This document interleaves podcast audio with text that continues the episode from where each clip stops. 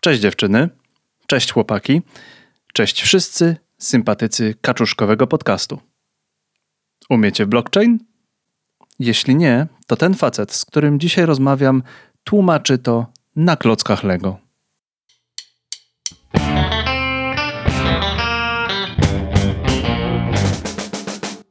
Blockchain, łańcuch bloków, bloki, transakcje to nie jest tylko sposób wykopania milionów bitcoinów, dzięki którym będziemy żyć długo i szczęśliwie. Adam Smolarek, mój gość, opowiada mi o sieci, strukturze danych, dlaczego ten blockchain to jest takie niezawodne. Poruszymy też tematy kryptografii. Jaka kryptografia i po co ona jest? Po co ona jest w blockchainie? Co to jest w ogóle kopanie bloków? Czy jest potrzebne? No i poruszymy też przykłady wykorzystania. Najbardziej jara mnie wykorzystanie blockchainu w satelitach, ale słyszałem, że można również się rozliczyć za gaz. W końcu, do czego blockchain się nie nadaje? Porozmawiamy też o perspektywach rozwoju, o przyspieszeniu i POS. Jeśli jakiś fragment tego podcastu wyda Ci się szczególnie ciekawy, zapisz minutę i sekundę tego fragmentu i daj mi te informacje przez Facebooka, Twittera, na maila. Ja wytnę ten fragment i umieszczę w bibliotece najlepszych fragmentów podcastu Developer Wannabe. Podziel się tym podcastem z innymi, udostępnij go na social mediach, a jeśli nie zasubskrybowałeś, to znajdź ten przycisk obserwuj, subskrybuj, follow, cokolwiek. Wtedy nie stracisz następnych odcinków. Miłego słuchania. Adam Smolarek, Blockchain. Dzień dobry, to jest Developer Wannabe Live. Jestem dzisiaj z Adamem Smolarkiem. Będziemy rozmawiać na ciekawy temat, który rozbudza wyobraźnię, który rozbudza też, e, no chyba pragnienie zdobycia całkiem niezłych możliwości, również finansowych. I krótka historia przed tym, co się stało, co, jak doszło do tej naszej rozmowy, to było tak, że zgadaliśmy się z Adamem na LinkedInie. I tak może byśmy tutaj coś nagrali. No to ja mówię, dobrze Adamie, czy tu umiesz o blockchainie wytłumaczyć tak po ludzku dla developer wannabe, po naszemu, że tak powiem. I tutaj Adam mi wysyła linka, ja włączam tego linka, ja na YouTubie widzę jakieś takie klocki, klocki Lego i on mi tutaj tłumaczy. I ja już wiedziałem, że to będzie fajny podcast. Adam Smolarek. Witam, dzień dobry, bardzo dziękuję, że znalazłeś dla nas czas. Dzień dobry, dziękuję za zaproszenie. Fajnie, że tutaj jesteś. Pogadamy dzisiaj o blockchainie, o tym tak naprawdę czym jest blockchain, o tym do czego blockchain można zastosować. I mało tego, będziemy rozmawiać nie tylko o kryptowalutach, nie tylko o supercoinach, które tam wykopiesz i będziesz do końca życia żył długo i szczęśliwie i w ogóle będzie pięknie, ale również o innym zastosowaniu blockchainu albo o innych zastosowaniach, zastosowaniach blockchaina. Nie przedłużamy. Wiemy, że Adam Smolarek to jest mistrz blockchaina, to jest ekspert od blockchaina. Czym jest blockchain, Adamie? No, zależy jak na to spojrzeć. Mhm. Tak y, łopatologicznie tłumacząc trochę, y, no, to jest taka sieć, w której są przechowywane dane. Mhm. To wygląda trochę jak internet, trochę jak sieć, ale bardziej jak sieć P2P. Czyli masz takie torenty, masz wiele serwerów spiętych w jedną sieć. I, mhm. i te serwery to są po prostu jakieś komputery, które stoją u kogoś pod biurkiem. Na tych komputerach są przechowywane jakieś informacje. Głównie są to transakcje, czyli informacja, że na przykład z dzisiu przelał trzy supercoiny do Wiesia. Mhm. I to jest główne zastosowanie tego, znaczy główne, to jest pierwsze zastosowanie blockchaina, które przychodzi do głowy. No i ten blockchain jest o tyle fajny, że tych komputerów pod biurkiem może być bardzo dużo i każdy, tak na przykład ja czy ty, możemy sobie postawić taki komputer pod biurkiem i uczestniczyć w tej sieci. Zupełnie tak jak w torrentach, czy tam P2P. Hmm. Tylko zamiast udostępniać sobie pliki, udostępniamy sobie informacje, które mówią, kto ile ma tych supercoinów na swoim koncie. No dobra, ale to mam. To w takim razie istnieje gdzieś taka sobie sieć, ktoś to robi. Na pewno, o co, jest jakiś super administrator takiej sieci super blockchainowej, co trzepie kasę od wszystkich?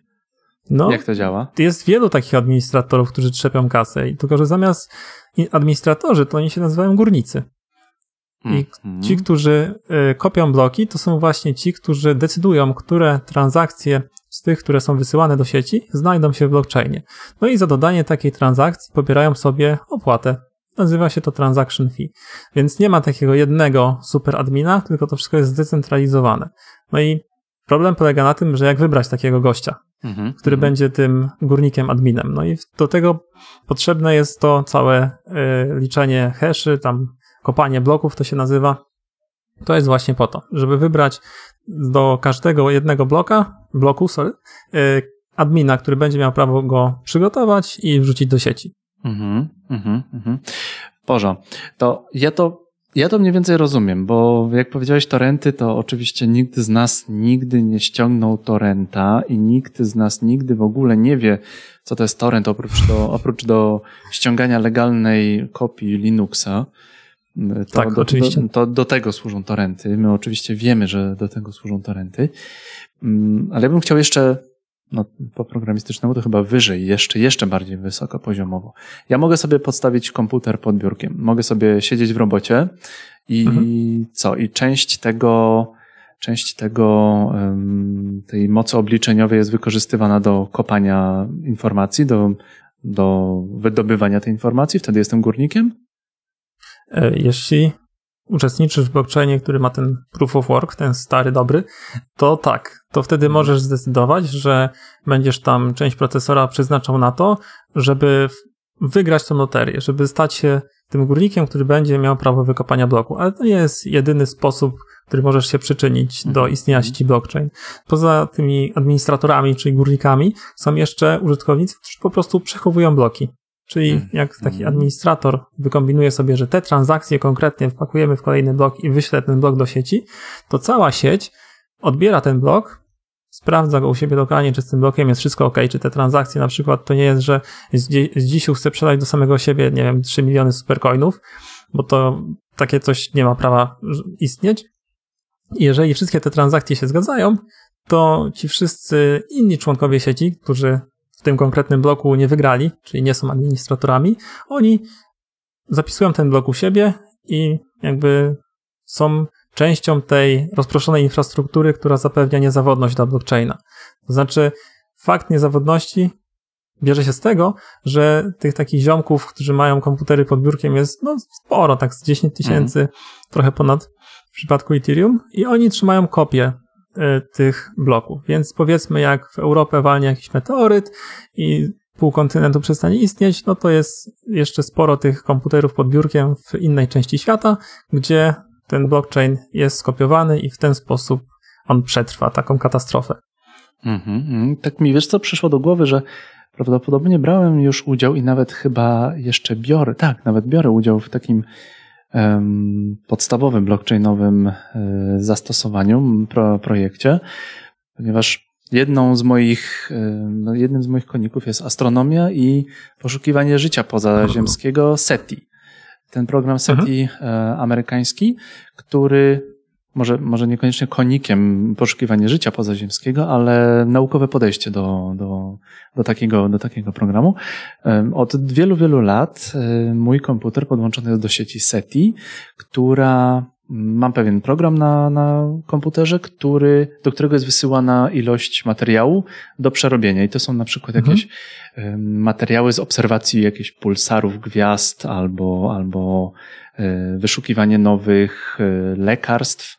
Obecnie też mamy coś takiego. Tak, nagrywamy to, to się nazywa. Tak, tak, nagrywamy, nagrywamy to w czasie, nagrywamy naszą rozmowę w czasie epidemii tej wstrętnej zarazy COVID-19 i można wziąć udział właśnie w obliczaniu mm, jakichś transakcji, w obliczaniu, w znajdowaniu leku na, na tę mhm. wstrętną zarazę. To, tak, to też jest blockchainowe oblicza... rozwiązanie? Y, znaczy, to jest trochę inna od blockchaina, dlatego że w przypadku tego folda masz tą centralną jednostkę, która ustala, nad jakimi y, problemami pracujesz. Mhm. To znaczy, dostajesz z centrum tego folda konkretne zadanie, żeby obliczyć jakieś, tak, jakieś konkretne białko składa. No i to ma mhm. sens w przypadku znajdowania takiego leku, dlatego że konkretne białka muszą się odpowiednio złożyć i trzeba obliczyć to, przesymulować, żeby mhm. sprawdzić, czy to, czy to będzie działać w konkretny sposób. Blockchain jest inny, dlatego że tam nie ma tej centralnej jednostki, która narzuca wszystkim obliczenia. Tam właśnie masz tych administratorów, y, bardziej górników, którzy mhm. Y, konstruują te bloki, a same transakcje biorą się w sieci też od użytkowników, którzy są właścicielami tych informacji, czyli tam są właścicielami supercoina powiedzmy, albo w jakiś inny sposób przechowują coś na tym blockchainie. My cały czas będziemy rozmawiać o pieniądzach, czy będziemy rozmawiać też o, o technologii? Możemy przejść na technologię. Bo z tego, co rozmawialiśmy jeszcze przed naszym nagraniem, przed tym jak weszliśmy w eter, to ty wcale się tak naprawdę nie zajmujesz kopaniem super, super hiper coina, żeby potem go sprzedać za milion dolarów, jak potem to, jak, jak, jak znowu skoczy, jak znowu się bańka e, tak. zrobi. E, chciałbym zadać jedno pytanie, które mamy od osoby, e, od naszego, naszego słuchacza. Może na szybko pytanie od Maurycego. E, który konsensus jest, jest Twoim zdaniem bardziej efektywny pod kątem dostępności POV? Proof of work czy proof of stake? Mhm. Czy może jakaś hybryda? Wytłumaczmy najpierw te, te, okay. te Więc tak jak elementy. Mhm ten konsensus protokół to jest właśnie sposób wybierania tego górnika, czy tam administratora, który, którego blok zostanie dołączony do blockchaina. Mhm. No i są trzy. Jest proof of work, proof of stake i proof of authority. Proof of work to jest pierwszy podstawowy, który, no, od którego się cały Bitcoin zaczął. Czyli to mhm. jest takie liczenie, bardzo, liczenie funkcji haszującej. Nie wiem, czy wytłumaczyć, co to jest funkcja haszująca? Tak. OK. Funkcja haszująca to jest coś, co bierze od ciebie jakiś tekst, jakiś dokument, w tym przypadku cały blok, mhm. i z tego bloku produkuje jakiś ciąg znaków. Mhm. No, takie w, krzaczki. Takie krzaczki, dokładnie. Ale tam pod spodem, jak się zejdzie, no to jest ciąg bitów. Mhm. No bo mhm. krzaczek da się zapisać bitami. 0, 1, 0, 1 i tak dalej. Dokładnie tak. No i do tego bloku w zależności od tego, co tam dopiszesz jeszcze, można dopisać taką, taki jeden numerek. Nazywa się nonce. I jak złożysz sobie blok z tym nonsem i mhm. policzysz funkcję haszującą, to w zależności od tego, jak ten nonce ustawisz, to różne rzeczy możesz stamtąd dostać. To znaczy różne te ciągi znaczków. I cała zabawa w przypadku Bitcoina polega na tym, żebyś dostał ciąg znaczków, który się zaczyna od wystarczająco dużej ilości zer co mhm. przekłada się bezpośrednio na trudność, dlatego że nie jesteś w stanie w żaden sposób przewidzieć e, tego ciągu znaków, który ci odda ta funkcja haszująca, więc po prostu musisz strzelać. I w ten sposób, jak sobie strzelasz, liczysz te hesze, to palisz energię elektryczną na te obliczenia. Te obliczenia są zupełnie bezsensowne, one nikomu nic nie przynoszą, ale zapewniają to, że odpowiednio trudno jest przygotować jakiś konkretny blok. I w ten, i w ten sposób ten, kto trafi, tą konkretną liczbę dla konkretnego bloku, ten ma prawo mm, przygotować ten blok, wysłać go do sieci i prawdopodobnie ten jego blok będzie w blockchainie. To jest podejście proof of work. No i tam są oczywiście wariacje. Zamiast liczyć tego hasza, są bardziej skomplikowane funkcje, które, które wymagają dużo RAMu, żeby nie było prosto zrobić koparki, tylko żeby rzeczywiście używać do tego komputera i ogólnie to jest cały temat. Jeśli chodzi o proof of stake, to odchodzimy całe, całkowicie od tego palenia energii i zamieniamy to palenie energii na ilość supercoinów, czy tam ilość czegoś, mm, co masz aktualnie na swoim koncie. I w zależności od tego, ile masz tych coinów na swoim koncie, mamy taką inną y, metodę wybierania y, tego górnika, czy tam administratora. Mhm. Jest coś takiego, co się nazywa Verifiable Random Function i to jest y, ostatni jakby taki krzyk mody, bym powiedział, na który się natknąłem. Działa to mniej więcej w ten sposób, że też liczysz sobie, to nie jest hash, to jest, do, to jest bardziej skomplikowana funkcja, ale też ona ci wypluwa jakiś numerek. Mhm. Jeżeli ten numerek jest mniejszy niż procent coinów, które posiadasz, to wtedy masz prawo do kopania, do przygotowania tego kolejnego bloku. No i i przewaga jest oczywista. I co tutaj? Co tutaj wybierze Adam? No ja, wy, ja wybiorę Proof of Stake, dla, dlatego że mimo tego, że jest y, mniej sprawdzony, no bo cały czas trwają badania i rozwój, no to nie palisz tych megawatów energii, no, mhm. więc całe rozwiązanie staje się tańsze, staje się łatwiejsze do utrzymania i masz, no, nie, nie dajesz zarobić tym kochanym producentom koparek, którzy robią asiki na potęgę, a czasami wysyłają ziemniaki, tylko po prostu masz wszystko zapakowane w tego jednego blockchaina. Mm. Czy tam coina, czy tam twoje rozwiązanie, które będzie zupełnie do czegoś innego. Były całkiem niedawno momenty, kiedy, kiedy zaczęliśmy rozmawiać o naszym podcaście. Zacząłem grzebać tak po prostu w internecie, żeby, żeby znaleźć trochę więcej informacji o blockchainie i właśnie natrafiłem na Allegro, na tak zwane koparki blockchainów. No. Wieża do sufitu, same, same jakieś tam twarde dyski, milion ramu. No, jest, jest, jest co tam robić. Na pewno można też y, zarobić na samym chyba, samym chyba sprzęcie, tak? Żeby, mhm. jeżeli, jeżeli ludzie szukają złota, to zarabiają też ludzie sprzedający łopaty w takim momencie. Tak, znaczy jest nawet taki trochę no, niemiły sposób zarabiania, po prostu mhm. możesz sprzedawać ziemniaki opakowane w te pudełka od koparek. Hmm. No, ma, mając na myśli ziemniaki, mam na myśli jakiś tam krzem, który jest w środku, ale który liczy dosyć wolno, jest tani. No bo jak kupujesz taką koparkę, to nie masz tam żadnego certyfikatu, który mówi, jak ona jest dobra. Mhm. Hmm. Więc jest też sporo oszustów. Nie chcemy takich. Nie, nie chcemy, nie chcemy, nie chcemy, nie chcemy. Nie chcemy rozmawiać z takimi ludźmi. Mniej więcej wiemy, czym jest blockchain, tak? To jest mhm. odpowiednio mhm. To jest co rozproszone przetwarzanie informacji w tym momencie? To jest, tak, to jest, to jest jedna część, to właśnie mhm. jest ta sieć, która zapewnia to rozproszenie, ale jest też y, druga część, czyli te informacje, które są tam przechowywane w tej sieci, one muszą być jeszcze odpowiednio skonstruowane. Bo jak sobie mhm. przechowujesz dowolne informacje, powiedzmy jakiś plik z torrentu, którego nigdy nie pobierzemy, no to ten plik nigdy. możesz sobie zmodyfikować. Bardzo popularną praktyką było modyfikowanie tych plików na torrentach i dorzucanie tam wirusów. Po to, że jak sobie ktoś takie coś pobrał, to później miał problem. No i tak samo mogło być w blockchainie, ale się tak nie dzieje, dlatego że blockchain poza tą e, rozproszoną siecią jest jeszcze zabezpieczony przez kryptografię i przez te funkcje haszujące, o których trochę wspomniałem. No, zaczyna Głównie się przez... bardzo, bardzo, bardzo ciekawie. Mów, mów. Głównie przez y, podpis cyfrowy jest to zabezpieczenie zrealizowane na poziomie transakcji. No to znaczy, że jeśli chcę y, wysłać swoje coiny, albo dobra, już zmieńmy temat z tych coinów. Powiedzmy, że mamy blockchain, który przechowuje informacje o tym, y, kto jest właścicielem jakiej domeny. Powiedzmy powiązanie IP mhm. i nazwa domeny. Jeśli chcę zmienić miejsce, no, jeżeli chcę zmienić ten adres IP, na który wskazuje domena, no to wysłałbym transakcję do takiej sieci blockchain, no i ta transakcja byłaby dołączona do jakiegoś bloku. No ale jeśli bym powiedziałbym, jeśli wysłałbym transakcję, która ma zmienić miejsce, do którego przekierowuje Google.com powiedzmy, no mhm. to byłoby słabo, gdybym mógł to zrobić. Dlatego każdą transakcję, którą wysyłasz do blockchaina, musisz podpisać.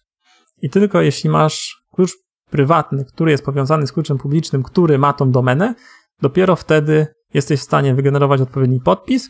Ten podpis będzie sprawdzany przez tych wszystkich administratorów, przez górników, ale będzie też sprawdzany przez każdy, e, powiedzmy, węzeł w sieci. Nazwijmy te komputery, które stoją pod biurkiem węzłami.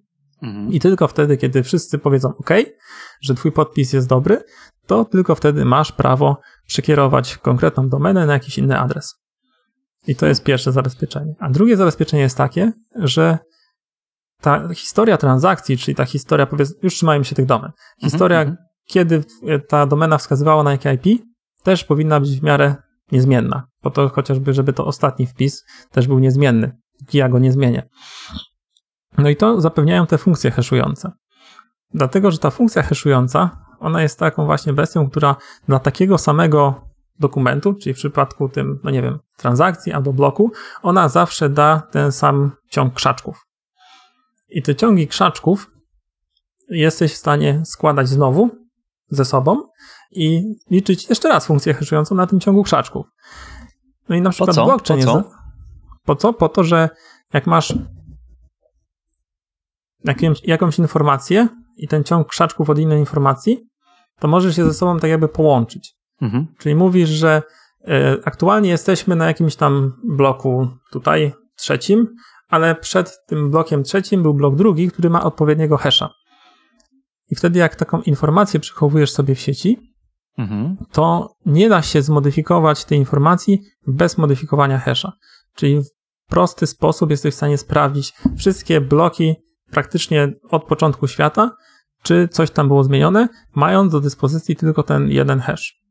Bo to, gdy tworzysz nowy blok, musisz do tego bloku dołączyć hash poprzedniego bloku. No i stąd się bierze taki łańcuszek mhm, bloków. Mhm, no i stąd się bierze nazwa blockchain. Hmm. Czy ja dobrze rozumiem, czy to będzie górnolotnie brzmiało, że w tym momencie ogranicza się możliwość manipulacji? No praktycznie eliminuje się, się możliwość tak. manipulacji. Tak, właśnie to jest też bardzo ważna część tego blockchaina, że przez mhm. zastosowanie funkcji haszujących i składanie tych haszy z kolejnymi blokami praktycznie nie jesteś w stanie zmienić no, jednego bitu nawet w tych wszystkich transakcjach, blokach, tak, żeby ten ostatni hash został niezmieniony. Mhm. No, ale to może być też broń obosieczna, bo jeśli bo na pewno znajdą się osoby, które będą chciały mocno na tym zarobić, ale niekoniecznie uczciwie zarobić. Bo jeśli ja w takim razie coś będę kombinować, to w takim razie też można mnie, można do tego dojść. Że to mhm. ja coś przykombinowałem i dlatego, nie wiem, te bitcoiny no. trafiły do mnie. Dobrze tak, myślę? ale w jaki, co masz na myśli, że przykombinowałeś i można do tego dojść? Hmm. Aha, to w ogóle nie będę mógł w blockchainie kombinować. No jak będziesz takim węzłem w sieci, który będzie wysyłał do innych węzłów bloki, które nie będą pasować do tej historii, to praktycznie zostajesz y, od razu wycięty z komunikacji.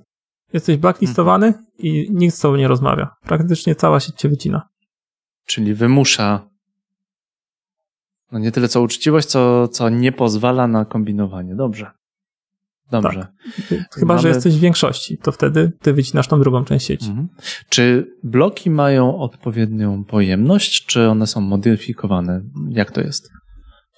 E, tak, bloki mają odpowiednią pojemność i wynika to z tego, że taki blok musi być w stanie rozprzestrzenić się po całej sieci. To mhm. znaczy, między jednym a drugim blokiem, takim jakby dobrym podejściem jest, jeżeli ten blok y, jest już rozesłany do ponad połowy sieci.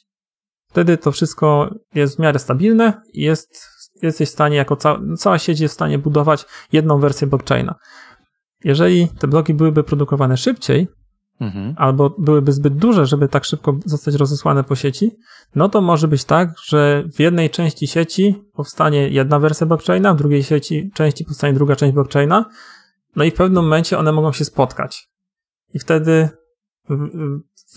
jest odpalany konsensus protokół i jedna z tych wersji zostanie odrzucona. I to jest dosyć niebezpieczne, bo jeżeli na podstawie tych transakcji, które są w jednej części, a ta część zostaje odrzucona, zrobiłeś jakieś transakcje w prawdziwym świecie, no to nic nie jest zagwarantowane, jeśli chodzi o to, co tam się stanie. Na przykład, Mamy... wracając do, do domen, jeśli mhm. sprzedałeś komuś domenę powiedzmy, jesteś właścicielem Google.com i sprzedałeś komuś domenę, czyli wysłałeś do sieci transakcję mówiącą, o tutaj jest taki Wiesiu i temu Wiesiowi ja przekazuję prawa do Google.com. Mhm. Ale byłeś sprytny i sprzedałeś też Dzisiowi tą domenę Google.com. Więc mhm. wziąłeś kasę dwa razy. Ale te transakcje wylądowały właśnie w tych dwóch różnych y, łańcuchach. To jest bardzo mało prawdopodobne, ale w ekstremalnych przypadkach może się tak stać. No i gdy informacja o tym, że są dwa łańcuchy w sieci dojdzie do wszystkich węzłów, no to one nie będą szczęśliwe z tego powodu i będą musiały wybrać jeden, bo zawsze jest jeden blockchain, by wszystkimi rządzić i wtedy wybiorą tylko jeden z tych łańcuchów. No i mhm. więc odrzucą transakcję albo Wiesia, albo z dzisiaj, więc ostatecznie tylko jeden zostanie z domeną google.com, a sprzedawca będzie miał kasę od dwóch. I będzie problem. A to są takie, eks- tak, to, to jest problem, ale to są takie ekstremalne przypadki. Mhm, mhm. W porządku. To Dążymy do tego, żeby pokazać, że blockchain jest w dużej części niezawodny, że wymusza mhm. e, de facto wymusza uczciwość i jednocześnie ogranicza możliwości manipulacji. Mówisz o podpisie cyfrowym. Mi się podpis cyfrowy tak naprawdę kojarzy tylko z prezydentem, który gdzieś tam kiedyś chyba prezydent Kwaśniewski podpisał coś po podpisem cyfrowym i tyle. Tak, to był pierwszy podpis cyfrowy, zanim weszła jeszcze ustawa o podpisie cyfrowym. Mhm. Czyli był, nie wiem, czy był prawomocny. No, ale w wiadomościach było.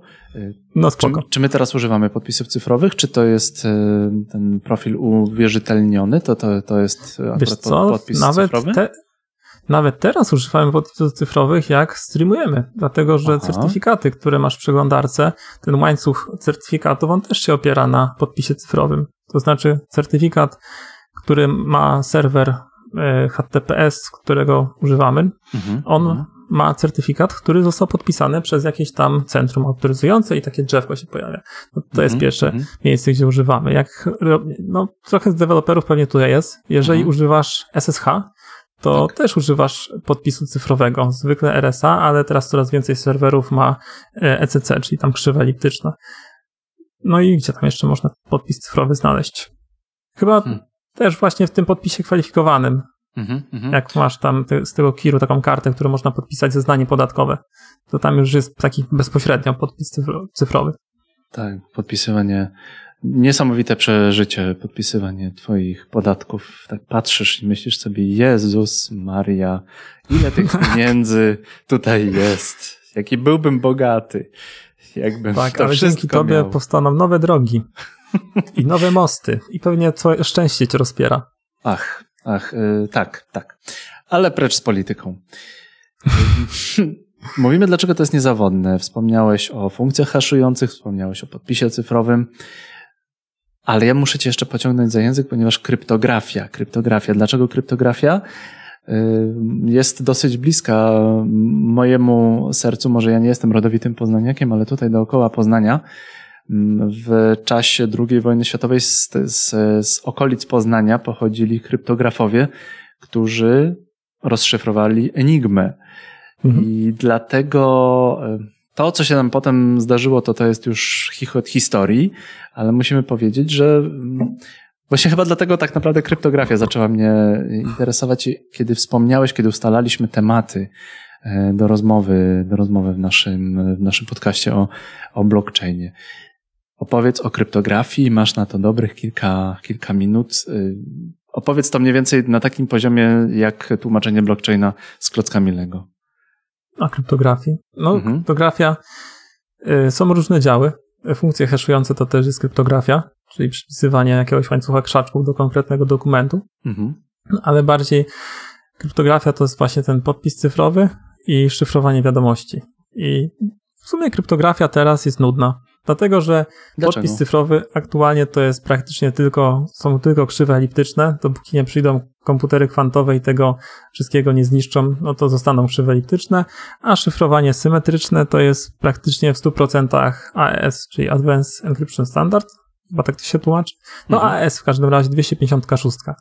I koniec. Jeżeli masz te dwa algorytmy ogarnięte, to masz praktycznie całą kryptografię, która istnieje na planecie Ziemi teraz.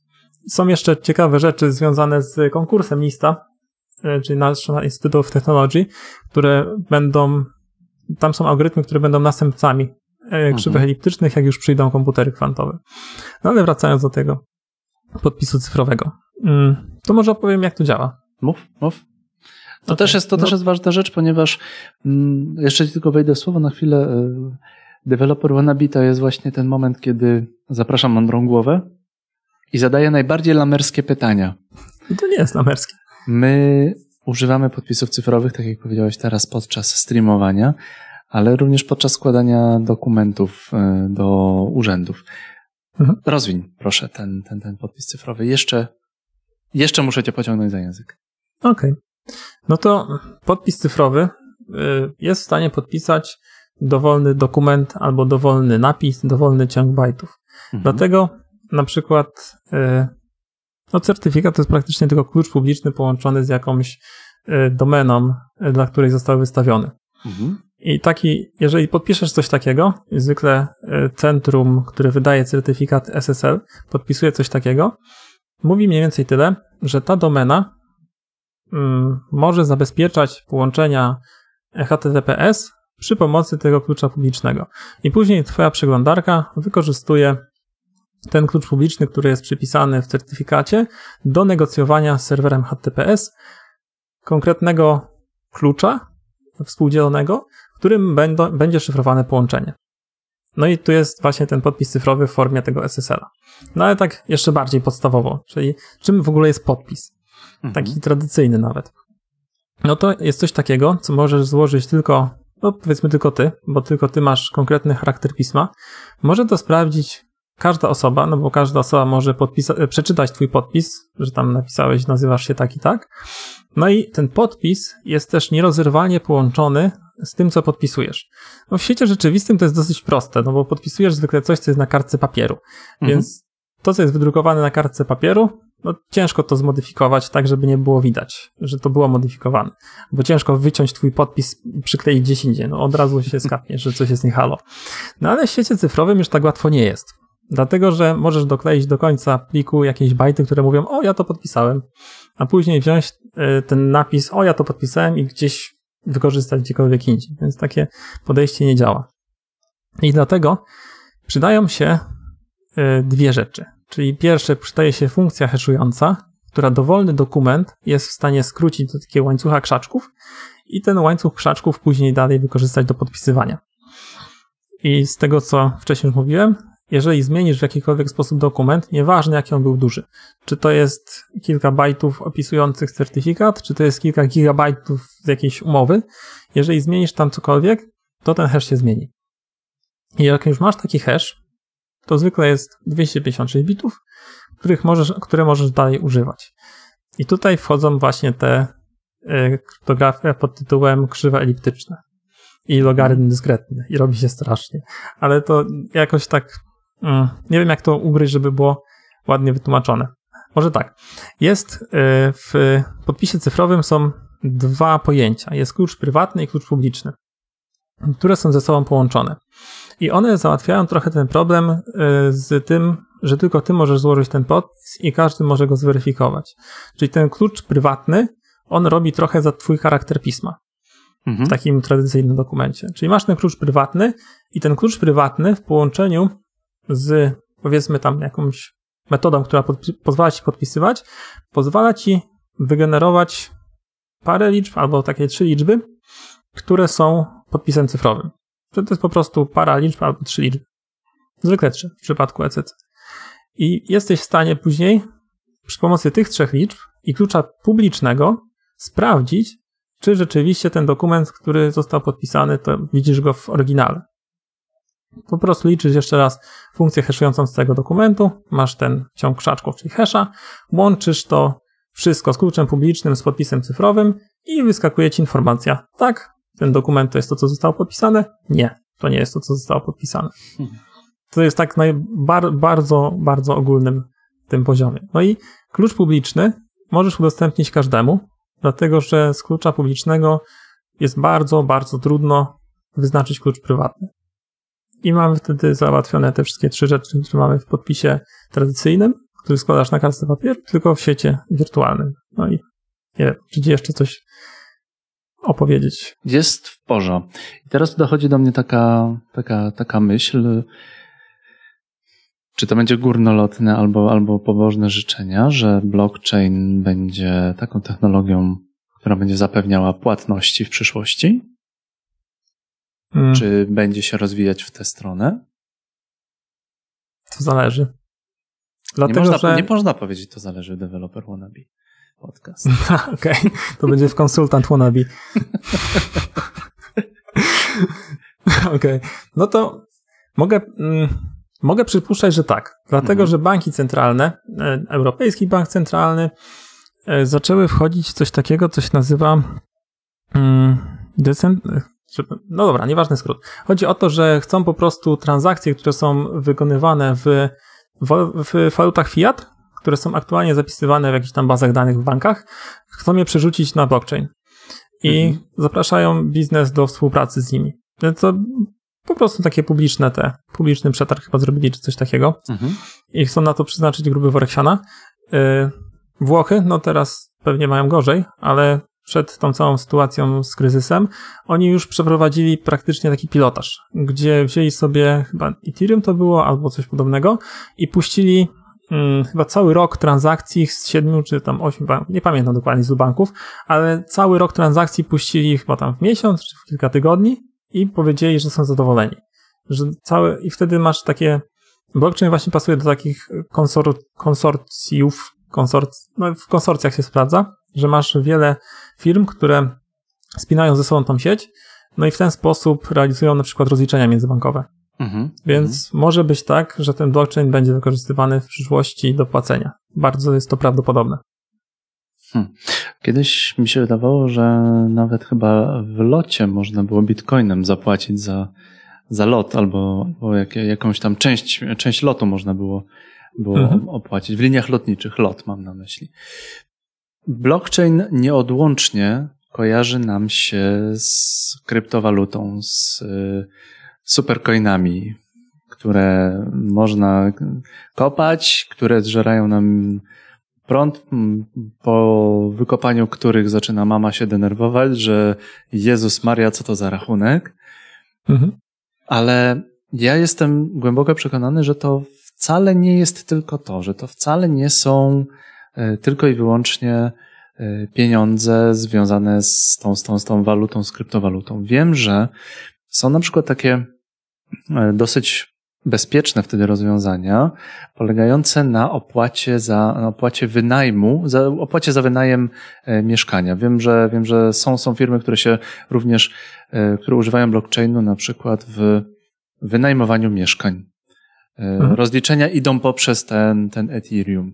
Chciałbym, póki jeszcze wejdziemy trochę głębiej w wykorzystanie technologii blockchainowej, żebyś tylko powiedział trochę o Ethereum, o o samym tym Ethereum, co to, co to w ogóle jest, bo to bardzo często się mówi Ethereum i w ogóle o co chodzi. Okej. Okay. Ethereum. No to Ethereum to jest taki pierwszy blockchain, gdzie można pisać na samym blockchainie programy komputerowe. Mhm. To znaczy, poza, no, pierwszym takim pradawnym był Bitcoin i tam dawało się tylko przelewać y, coiny od dzisiaj do miecia.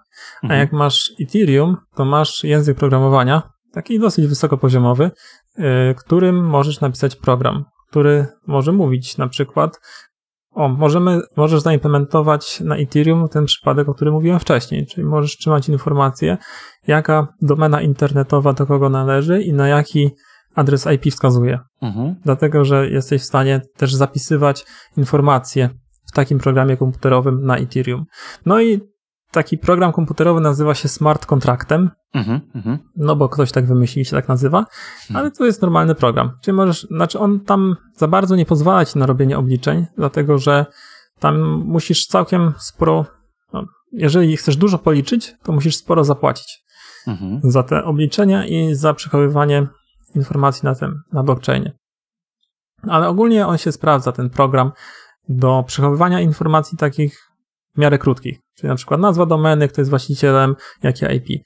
Możesz przechowywać tam też y, informacje pod tytułem WIN samochodu, przebieg, aktualny rocznik, y, numer działki w, księgi, w księgach wieczystych i hash z PESEL-a właściciela i tak dalej, i tak dalej. I jeżeli chodzi o te mieszkania, to gdybym miał sobie coś takiego zaimplementować na Ethereum, no to miałbym kontrakt, który mówi mi, że jakaś osoba A ma dostęp do mieszkania jakiegoś tam od daty mhm. tej to, do tej. Czyli albo od daty, od daty zapisanej do daty transakcji, którą potwierdzi, że tam się wyprowadziła z tego mieszkania, czy tam właściciel powie, że o, teraz się osoba wyprowadziła, albo właściciel i ta osoba naraz wyśle transakcję, która potwierdza to, że się osoba wyprowadziła. Mhm, mhm. I wtedy jesteś w stanie tym smart kontraktem trzymać y, ten odcinek czasu. I do tych smart kontraktów możesz się też wpinać z innych aplikacji. Czyli później możesz sobie postawić taki, no nie wiem, stronę internetową, która zapuka od czasu do czasu do tego Ethereum i się zapyta, no powiedz mi ty Ethereum kochany, czy ktoś tam w tym mieszkaniu siedział, a jak siedział to ile i już. Mhm. możesz to wtedy wykorzystywać do na przykład pokazywania tych mieszkań, które są wolne, w których teraz nikt tam nie zamieszkuje. To, to, jest nie chyba, to jest chyba dosyć proste rozwiązanie wtedy. Wiem, że jest kilka takich dosyć bogatych krajów arabskich, tam z regionu Zatoki Perskiej, które w ogóle chcą za, e, zastosować blockchain również do tego, aby e, no, tam rozumienie, rozumienie demokracji jest nieco inne, e, ale no to, to będzie po prostu też blockchain stosowany do kontroli nad ludnością, nad danymi nad danymi, które dostarcza, mhm. dostarczają, dostarczają mieszkańcy. Czy blockchain to też jest rozwiązanie na bardzo duże ilości danych, na nie wiem, jak to będzie, kilka milionów Wiesz co, to zależy jak osób. to bardzo jest rozproszone. Mhm. Dlatego, że te miliony transakcji są możliwe jak najbardziej do ogarnięcia, ale nie przy takim rozproszeniu, jakie ma na przykład Ethereum, bo wtedy te miliony transakcji musiałbyś trzymać na każdym z tych komputerów pod mhm. biurkiem, przy aktualnej technologii. Jest jeszcze sharding, no ale to jest na razie śpiew, tam pieśń przyszłości. Jeżeli tam chcą po prostu postawić sobie y, centra E, data center rozrzucone między kilkoma regionami i puścić tam, nie wiem, światłowód i spokojnie to przetwarzać po tym światłowodzie, tak najbardziej. Blockchain też może ogarniać bardzo duże ilości danych.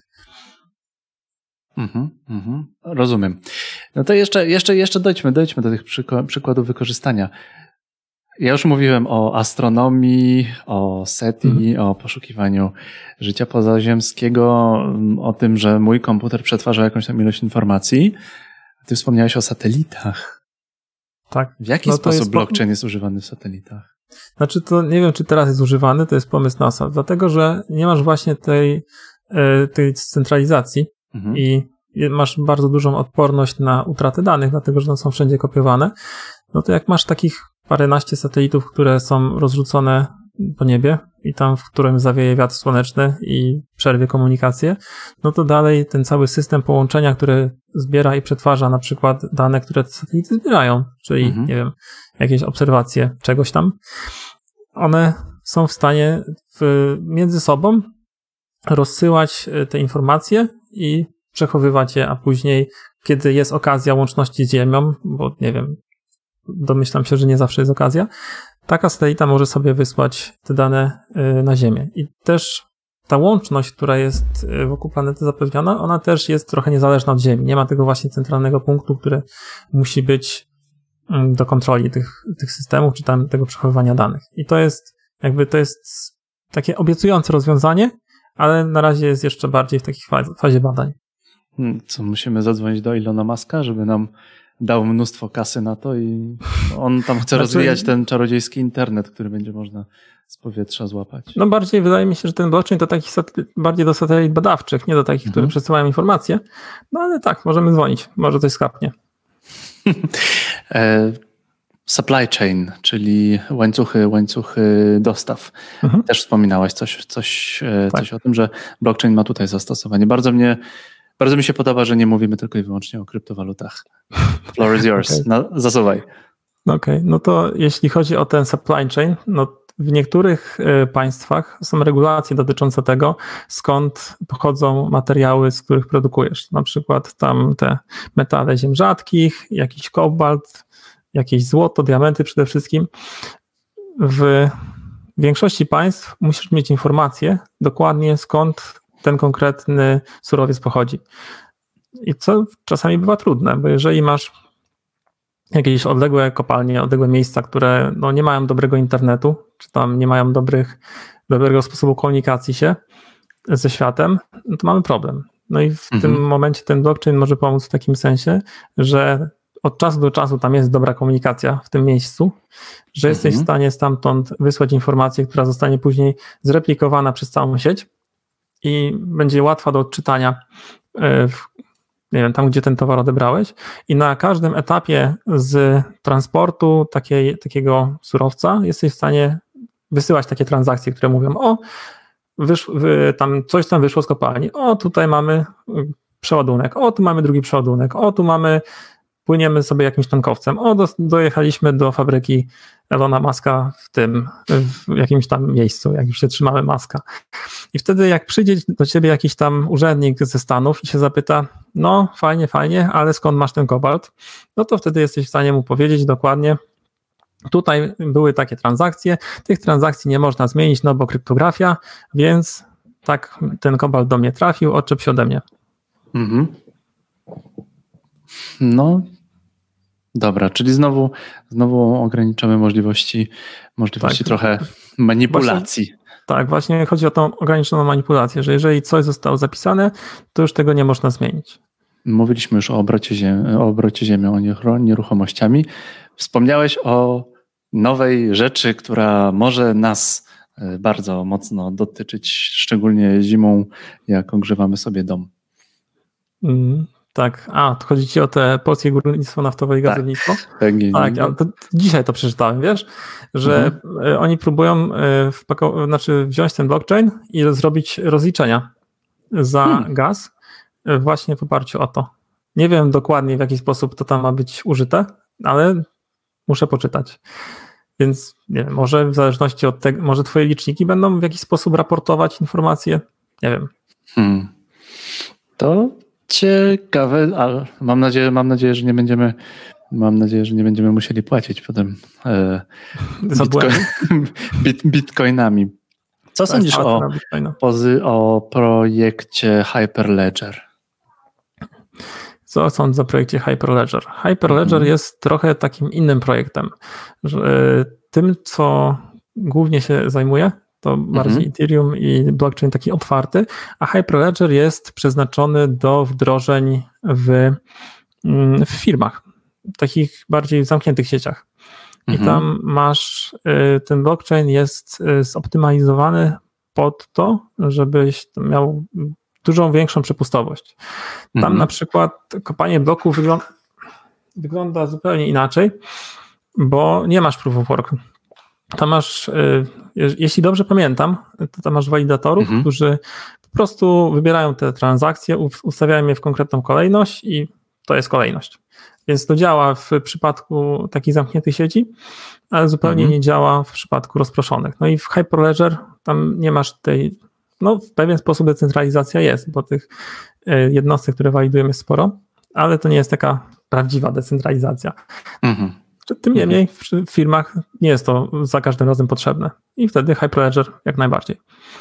Wiem, że Hyperledger jest na przykład w tej, w Krajowej Izbie Rozrachunkowej, chyba mają tam węzły Hyperledgera. Mhm. Mhm. E, tutaj akurat ci nic nie powiem, bo, bo nie wiem. A jeszcze no jeszcze, no chyba tam, bo jeszcze jakieś papiery mhm. były yy, te, tylko nie wiem, chyba KDPW? Coś takiego. Że oni tam też mają taki dokument na swojej stronie yy, publicznej, że opisują właśnie swoje rozwiązanie przy pomocy Hyperledgera. Mm -hmm. To są jakieś takie ciekawe, ciekawe rzeczy, które, yy, które opowiadasz, ale to będzie, to będzie tak naprawdę do, potem do, może, może do sprawdzenia. Znajdziemy, znajdziemy może potem linka do tego. Mm, Mhm. Gdybym chciał się zająć rzeczami związanymi z blockchainem, no to od czego musiałbym zacząć? Jakie źródła informacji w internecie, jakieś książki? Co byś mógł polecić osobie, która by chciała się związać z blockchainem i niekoniecznie tylko, aby zostać bogatym człowiekiem, który wykopie wiadro bitcoinu? Mm, to zależy, na jakim etapie chcesz wejść w ten mhm. blockchain. Jeśli chcesz y, jakby tak od podstaw zacząć, czyli całą technologię ogarnąć, no to bez kryptografii to się raczej nie obejdzie. Czyli musisz ogarnąć y, kryptografię i później, no brutalnie to zabrzmi, ale wziąć jakiś white paper y, konkretnego blockchaina i czytać aż wejdzie. No to jest to, jak ja zaczynałem. Miałem podstawy z kryptografii ze studiów, Miałem, magisterkę robiłem też z podpisu cyfrowego, więc miałem trochę łatwiej.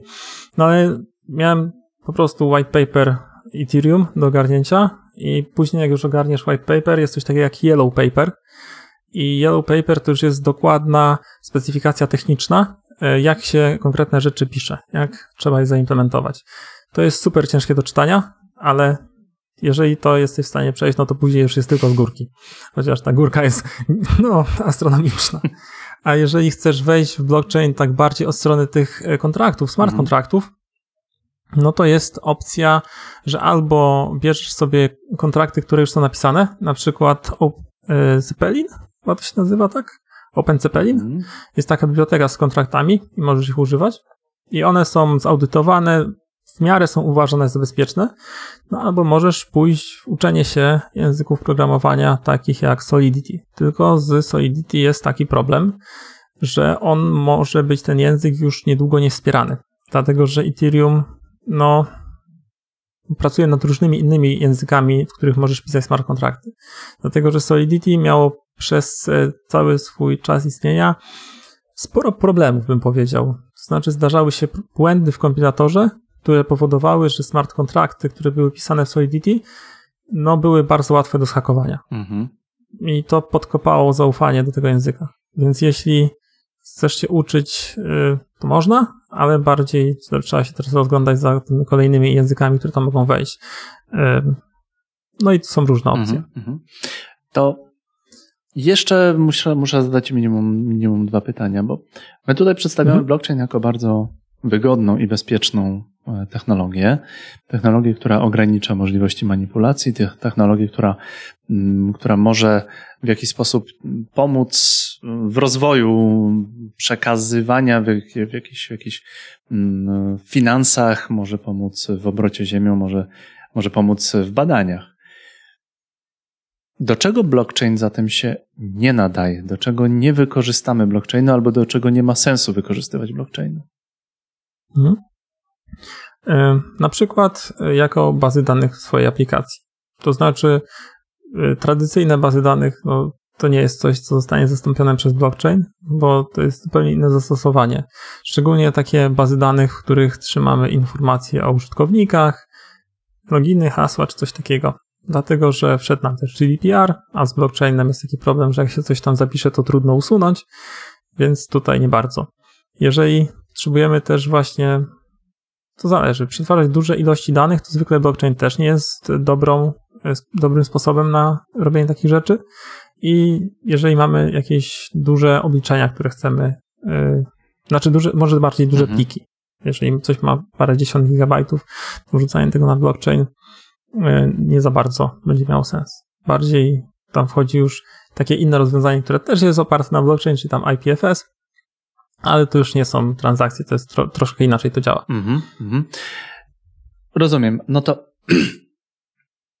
z Twojej perspektywy, jak to będzie wyglądać? W którą stronę będzie, będzie szedł blockchain? W którą stronę blockchain będzie się, będzie się rozwijał? Jak to będzie wyglądać z punktu widzenia człowieka, który tym blockchainem się zajmuje już mhm. dużo czasu?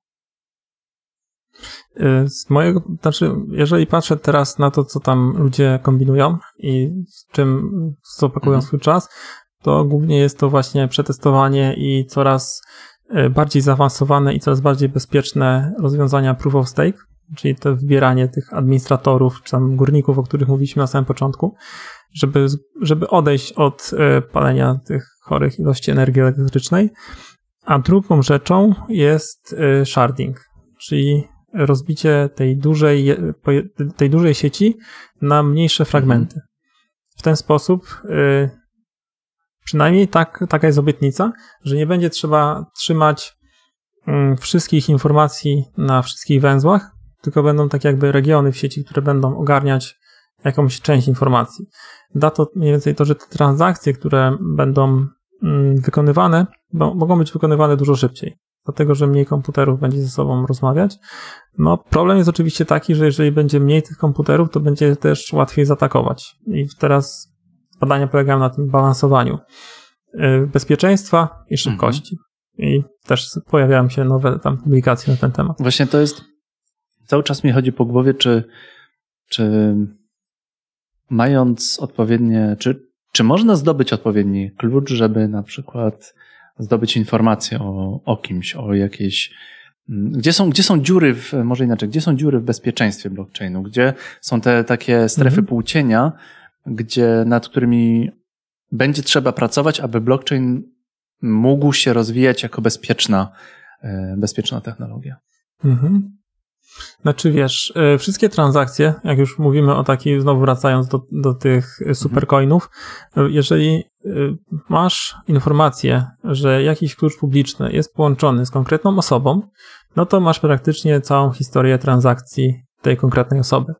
Bo te wszystkie dane są w większości przypadków zapisane po prostu otwartym mhm. tekstem w tym w blockchainie. A tak, skąd możesz zdobyć taką informację? Ano możesz zdobyć taką informację, jak ktoś zamówi sobie pizzę.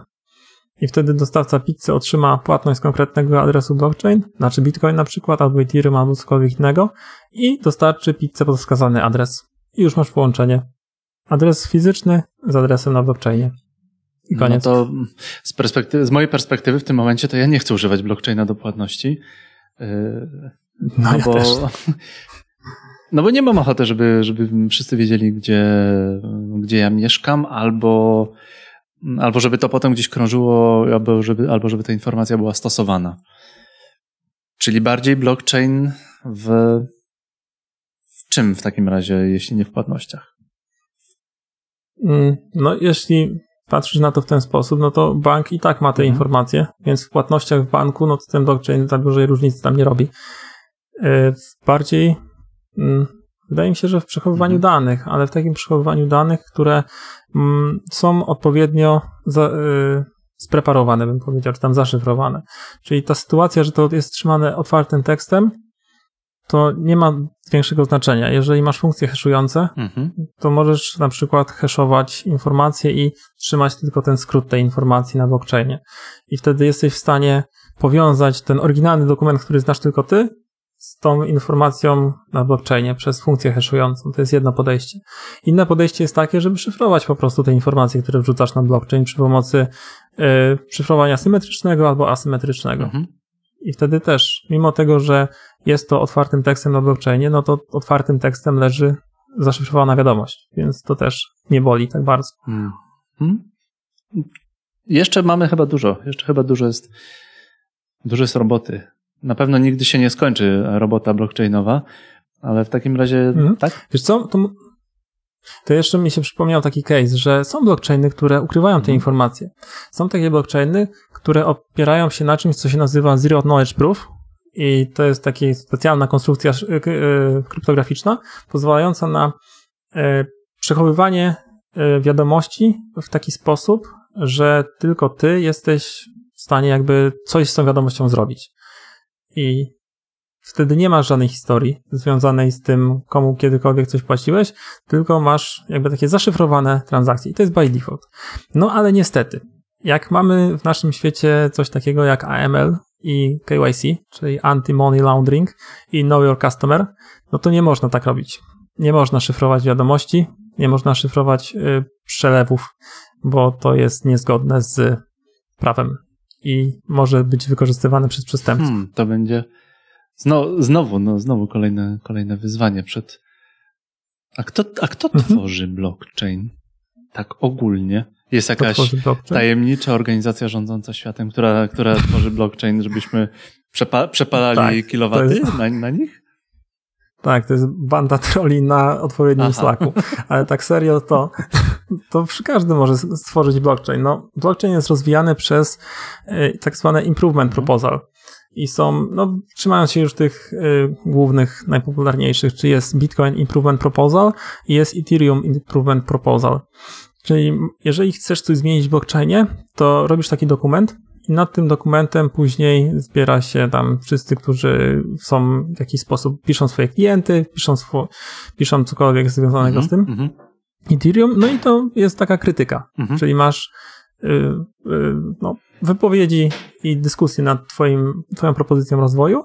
Jeżeli zdobędzie wystarczająco dużo aprobaty, ci, którzy tworzą soft, tam jest kilka firm, które robi klienty do Ethereum, sorry, węzły, to oni wtedy implementują twoje EIP u siebie, no i to praktycznie wchodzi do, do konkretnego, do konkretnej implementacji. Łapie. Oprogramowania, które jest odpalane na węźle. Jest jeszcze drugi motyw, no dlatego, że to jest taka decentralizacja, to nikt nie może ci zagwarantować, że ci, którzy mają odpalone Mm, te komputery pod biurkiem zainstalują twoją mhm. poprawkę. Jeżeli im się spodoba, to zainstalują. Jeżeli im się nie spodoba, to nie zainstalują. Więc to jest taka jakby druga strona decentralizacji. Mhm. Coraz, coraz mam wrażenie, że tylko tak naprawdę liznęliśmy trochę ten, ten temat, ale on jest, on jest ciekawy, on jest niesamowicie ciekawy i daje, daje dużo możliwości. Coś musimy dodać na koniec? E, tak jeszcze bym wrócił do tego pytania, czy mogę polecić jakieś mm -hmm, źródła mm -hmm. do tego, do uczenia się. To właśnie wspomniałem, że tam e, kryptografia, no i to kryptografia można się nauczyć całkiem fajnie. No, może to, trochę zabrzmi ciężko. Jest y, taka seria wykładów z kryptografii. Człowiek nazywa się Christoph Parr i to da się znaleźć na YouTubie. To jest, intro, to jest, są chyba z 20 wykładów, które wprowadzają do kryptografii. Więc trzeba tam trochę przez to przebrnąć, ale moim zdaniem to jest najlepszy materiał. I ten sam człowiek też wydał y, podręcznik akademicki, mhm. gdzie też właśnie on jest do tych wykładów, gdzie można sobie poczytać bardzo dokładnie o podpisie cyfrowym, o tych funkcjach haszujących i o y, tym, o szyfrowaniu mhm. symetrycznym. I tych wszystkich rzeczy używa się w blockchainie w jakichś tam konkretnych elementach. To tak, żeby zacząć. No i to daje pewną podstawę do dalszej już eksploracji. Par. A, link, tak, Krzysztof Par. W opisie. Tak, i mogę jeszcze zrobić shameless plug, kryptoreklamę na Dawaj. moim blogu chaindev.pl. Tam właśnie wrzucam też takie rzeczy związane z tym, z blockchainem, z kryptografią i opisuję to, czego się nauczyłem.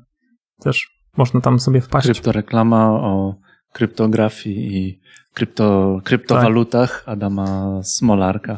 Chaindev.pl. Chaindev Link też będzie w opisie tego, tego podcastu. Bardzo Ci dziękuję, Adamie. Ciekawa, Również ciekawa dziękuję. opowieść, ciekawa informacja. Myślę, że to Myślę, że blockchain nie będzie jednym, jedynym e, przypadkiem, że blockchain częściej się pojawi w podcaście, Developer Wannabe Podcast. Choćby o tym, żeby sobie po prostu pogadać, jak to się rozwija, bo mam wrażenie, że to się wariacko rozwija tak naprawdę, dosyć, dosyć, dosyć, mhm. dosyć mocno, dosyć często i znajdują się coraz nowsze zastosowania. Bardzo Wam dziękujemy, że jesteście z nami, bardzo Wam dziękujemy, że wytrzymaliście z nami godzinę. Tak. Moim gościem był Adam Smolarek, chaindev.pl, bloger, facet od blockchainu, ekspert od blockchainu, znawca kryptografii. To był Developer Wannabe Podcast. Adam Smolarek, dziękuję Ci bardzo. Również dziękuję. Do usłyszenia.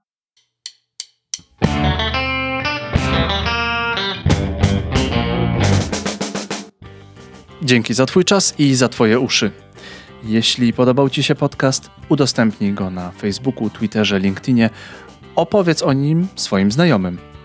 Jeśli ktokolwiek chciałby się zainteresować bardziej blockchainem, możesz się skontaktować z Adamem, możesz się skontaktować ze mną. Ja bardzo chętnie przekażę wszystkie pytania, ale mam takie wrażenie, że blockchain to nie jest ostatnie słowo w Developer Wannabe. Jeśli jest fragment, który wydał Ci się szczególnie ciekawy, zapisz minutę i sekundę tego fragmentu. Daj mi go, daj mi informację przez Face'a, przez LinkedIna, przez Twittera. Ja to wytnę i wrzucę do biblioteki najlepszych fragmentów podcastu Developer Wannabe, a Tobie podziękuję w nagraniu. To na razie tyle. Moim gościem był Adam Smolarek. Rozmawialiśmy o blockchainie. Dzięki i do usłyszenia.